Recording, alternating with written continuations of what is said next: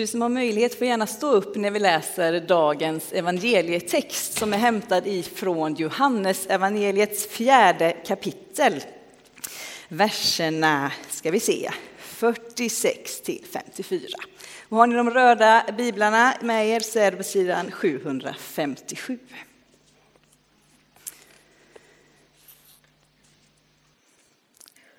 Han kom alltså tillbaka till Kana i Galileen där han hade gjort vattnet till vin.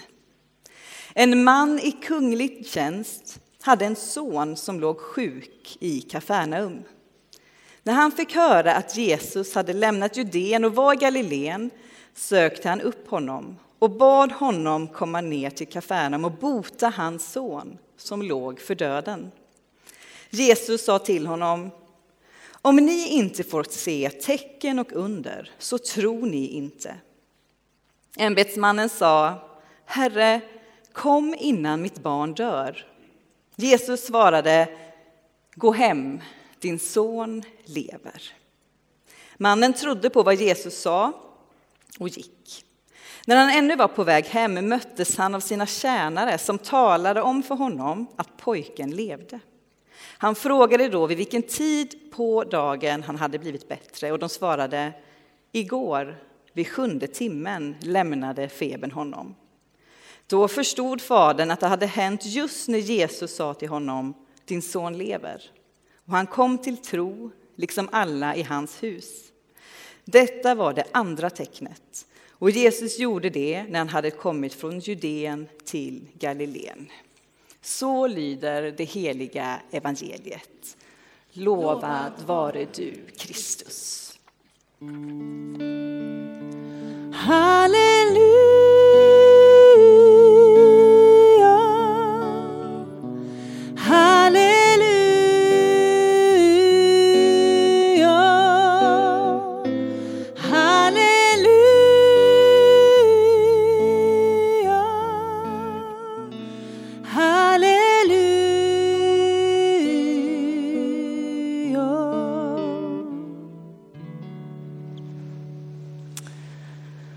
Varsågoda och sitt.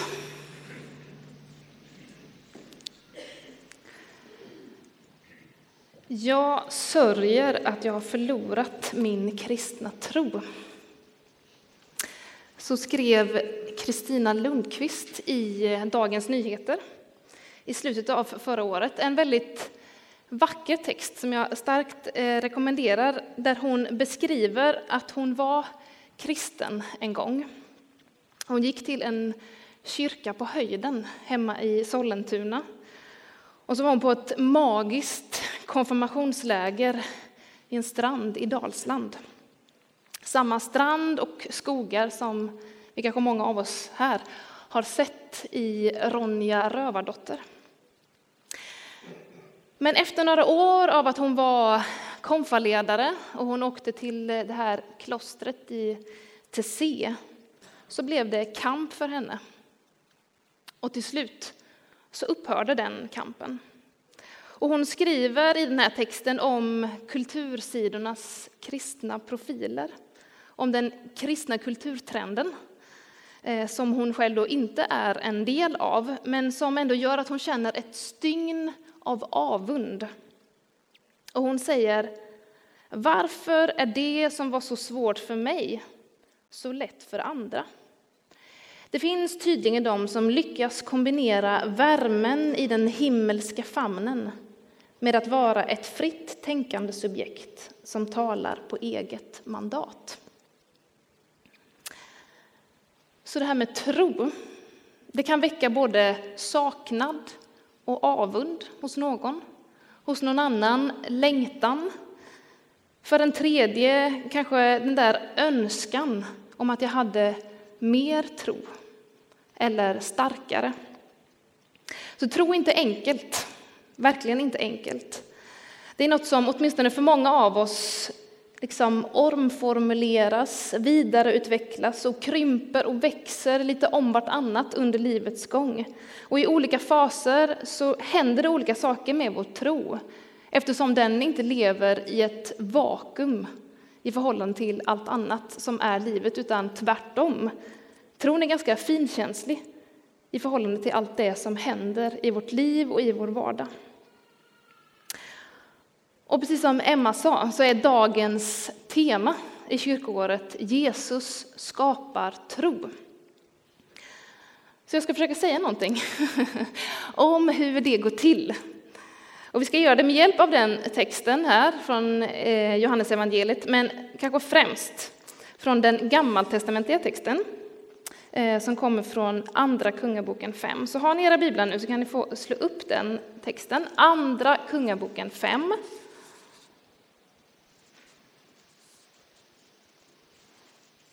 Och så är det från vers 1. Det handlar om Naman.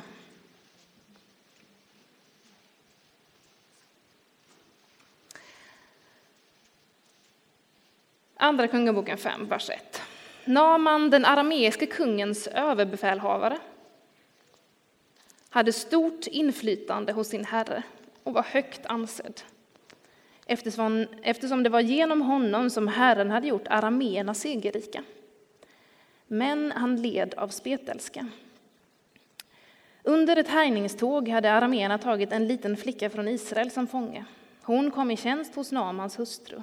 Och en dag sa hon till sin matmor, om min husbonde bara kunde komma till profeten i Samaria, då skulle han bli botad från sin spetälska. Naman gick till sin herre och berättade vad den israelitiska flickan hade sagt. Far du dit, sa, aramerkungen. Och sen kan vi hoppa några verser. Så kan vi komma ner till vers 8. Gudsmannen Elisha fick veta att Israels kung hade rivit sönder sina kläder. Och han sände då bud och frågade kungen, varför river du sönder dina kläder? Låt mannen komma till mig, så ska han inse att det finns en profet i Israel. Och Naman kom med sina hästar och vagnar och stannade utanför Elishas port. Elisha sände ut, skickade ut en man till honom med denna uppmaning, far ner till Jordan och bada sju gånger i floden, så ska din hud läkas och du blir renad. Men Naman gick därifrån i vredesmod och sa, jag hade trott att han skulle komma ut själv och stå där och ropa till Herren sin Gud och föra handen fram och tillbaka över det sjuka stället och så bota min spetälska. Är inte Amana och Papar, floderna i Damaskus, bättre än alla Israels vattendrag? Kunde jag inte lika väl bada där och bli renad? Förbittrad vände han sig om och gick. Men hans följeslagare kom fram och talade med honom. Fader, om det, inte hade varit något, om det hade varit något svårt profeten begärt av dig, nog hade du gjort det då. Desto större anledning när han bara vill att du ska bada dig för att bli ren. Naman for då ner och doppade sig sju gånger i Jordan, som gudsmannen hade sagt. Då läktes hans hud och blev som ett barns, och han var ren. Han vände tillbaka till gudsmannen med hela sitt följe, gick fram till honom och sa, nu vet jag att det inte finns någon Gud på hela jorden utom Israel. Punkt.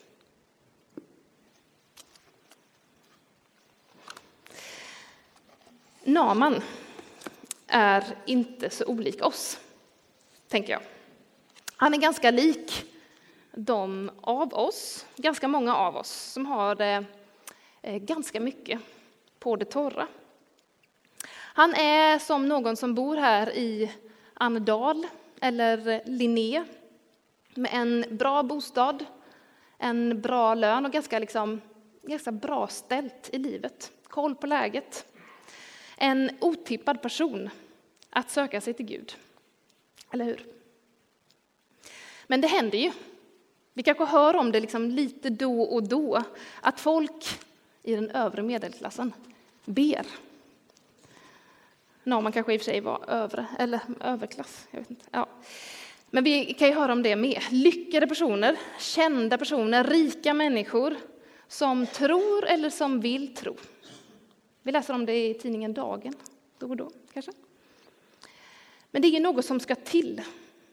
Om man inte fick tron med modersmjölken och fick Gud som haver som godnattvisa, då är det någonting som ska till för att man ska börja tro och söka sig till Gud.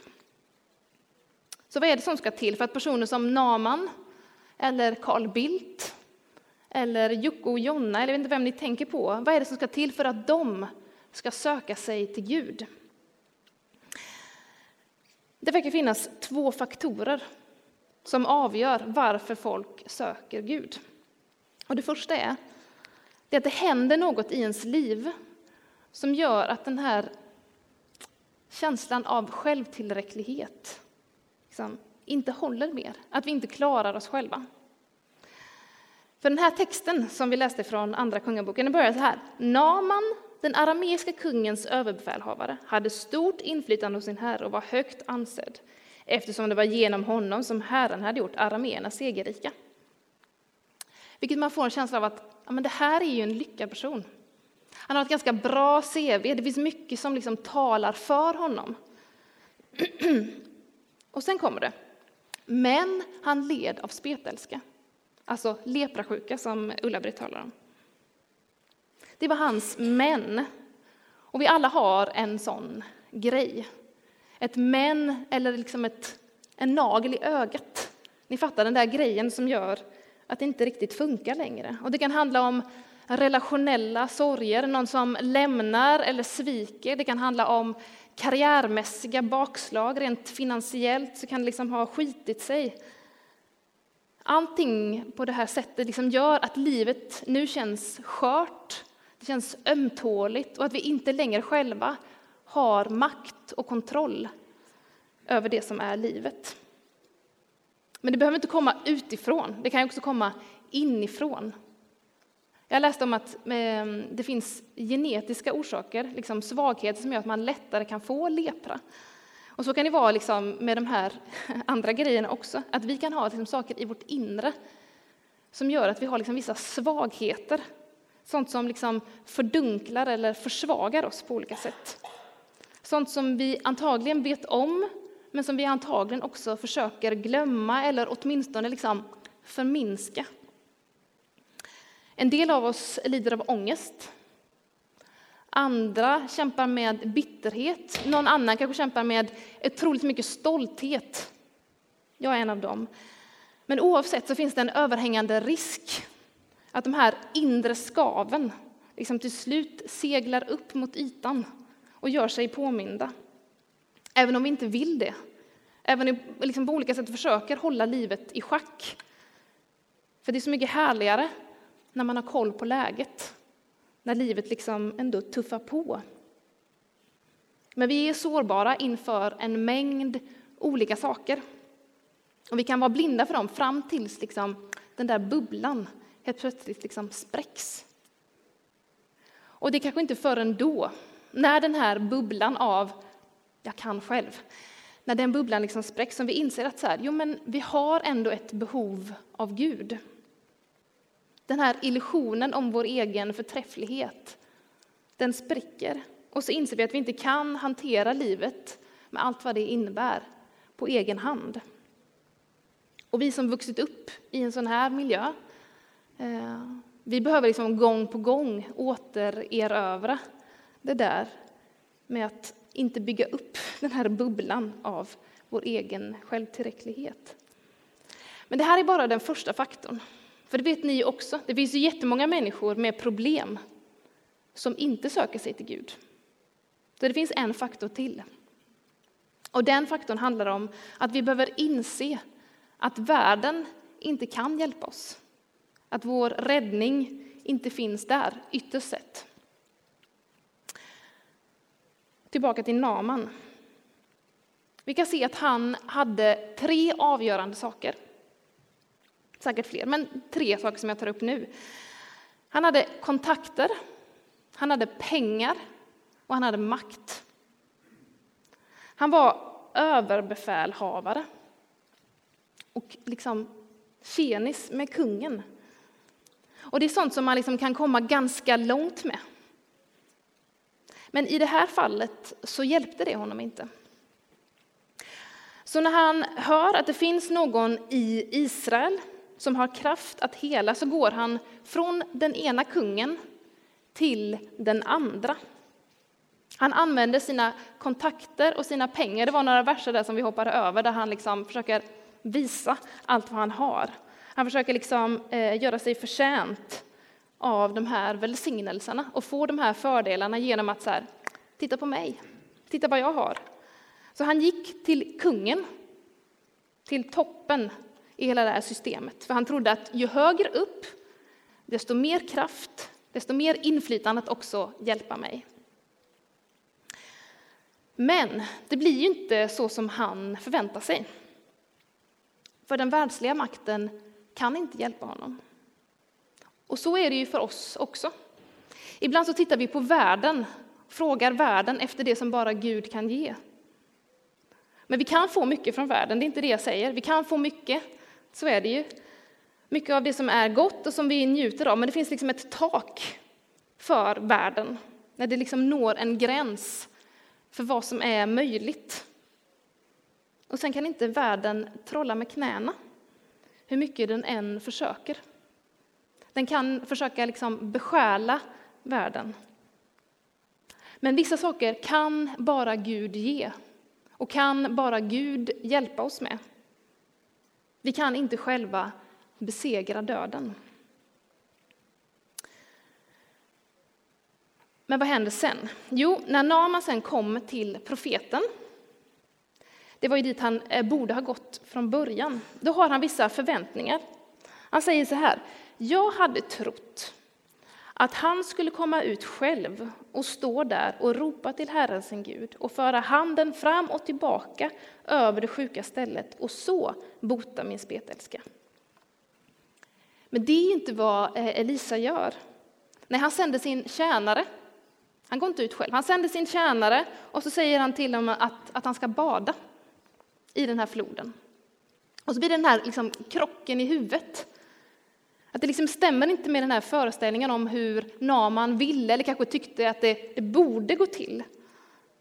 Och i ett sånt läge så är det ju väldigt svårt att tro.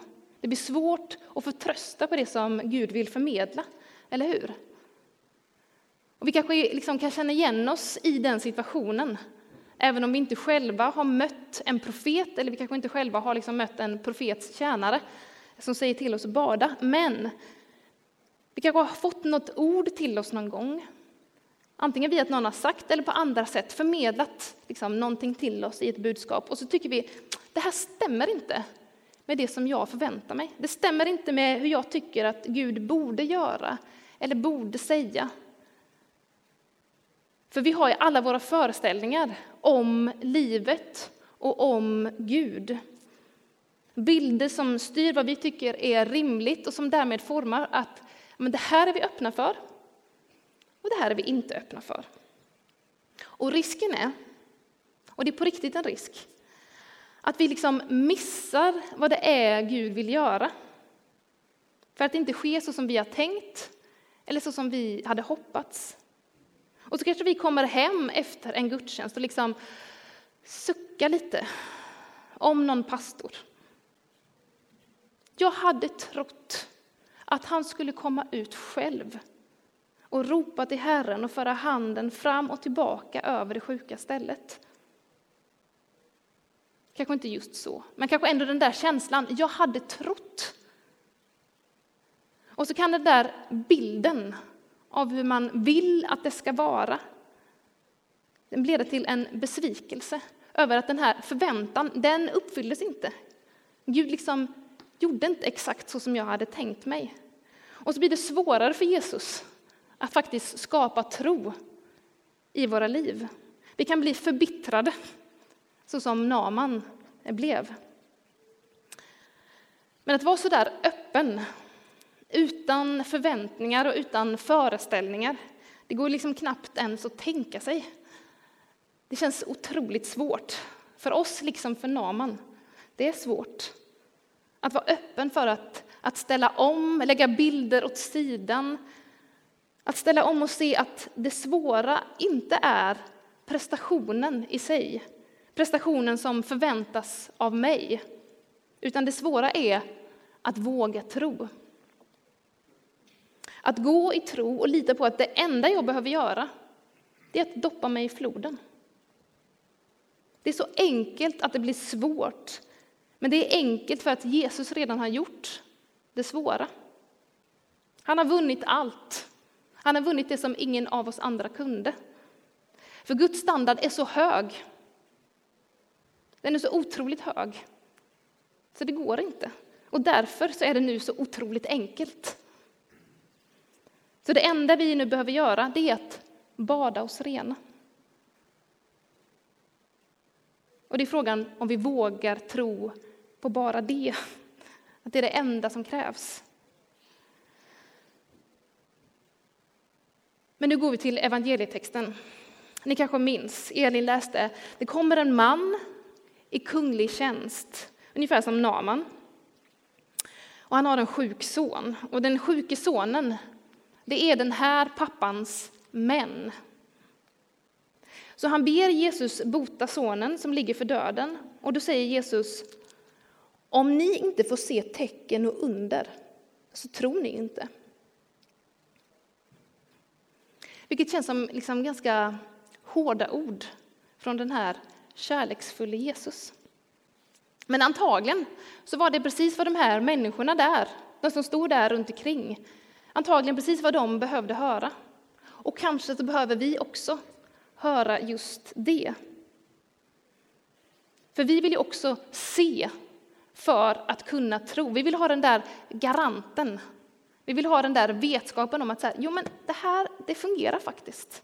Vi vill ha evidens. Eller hur?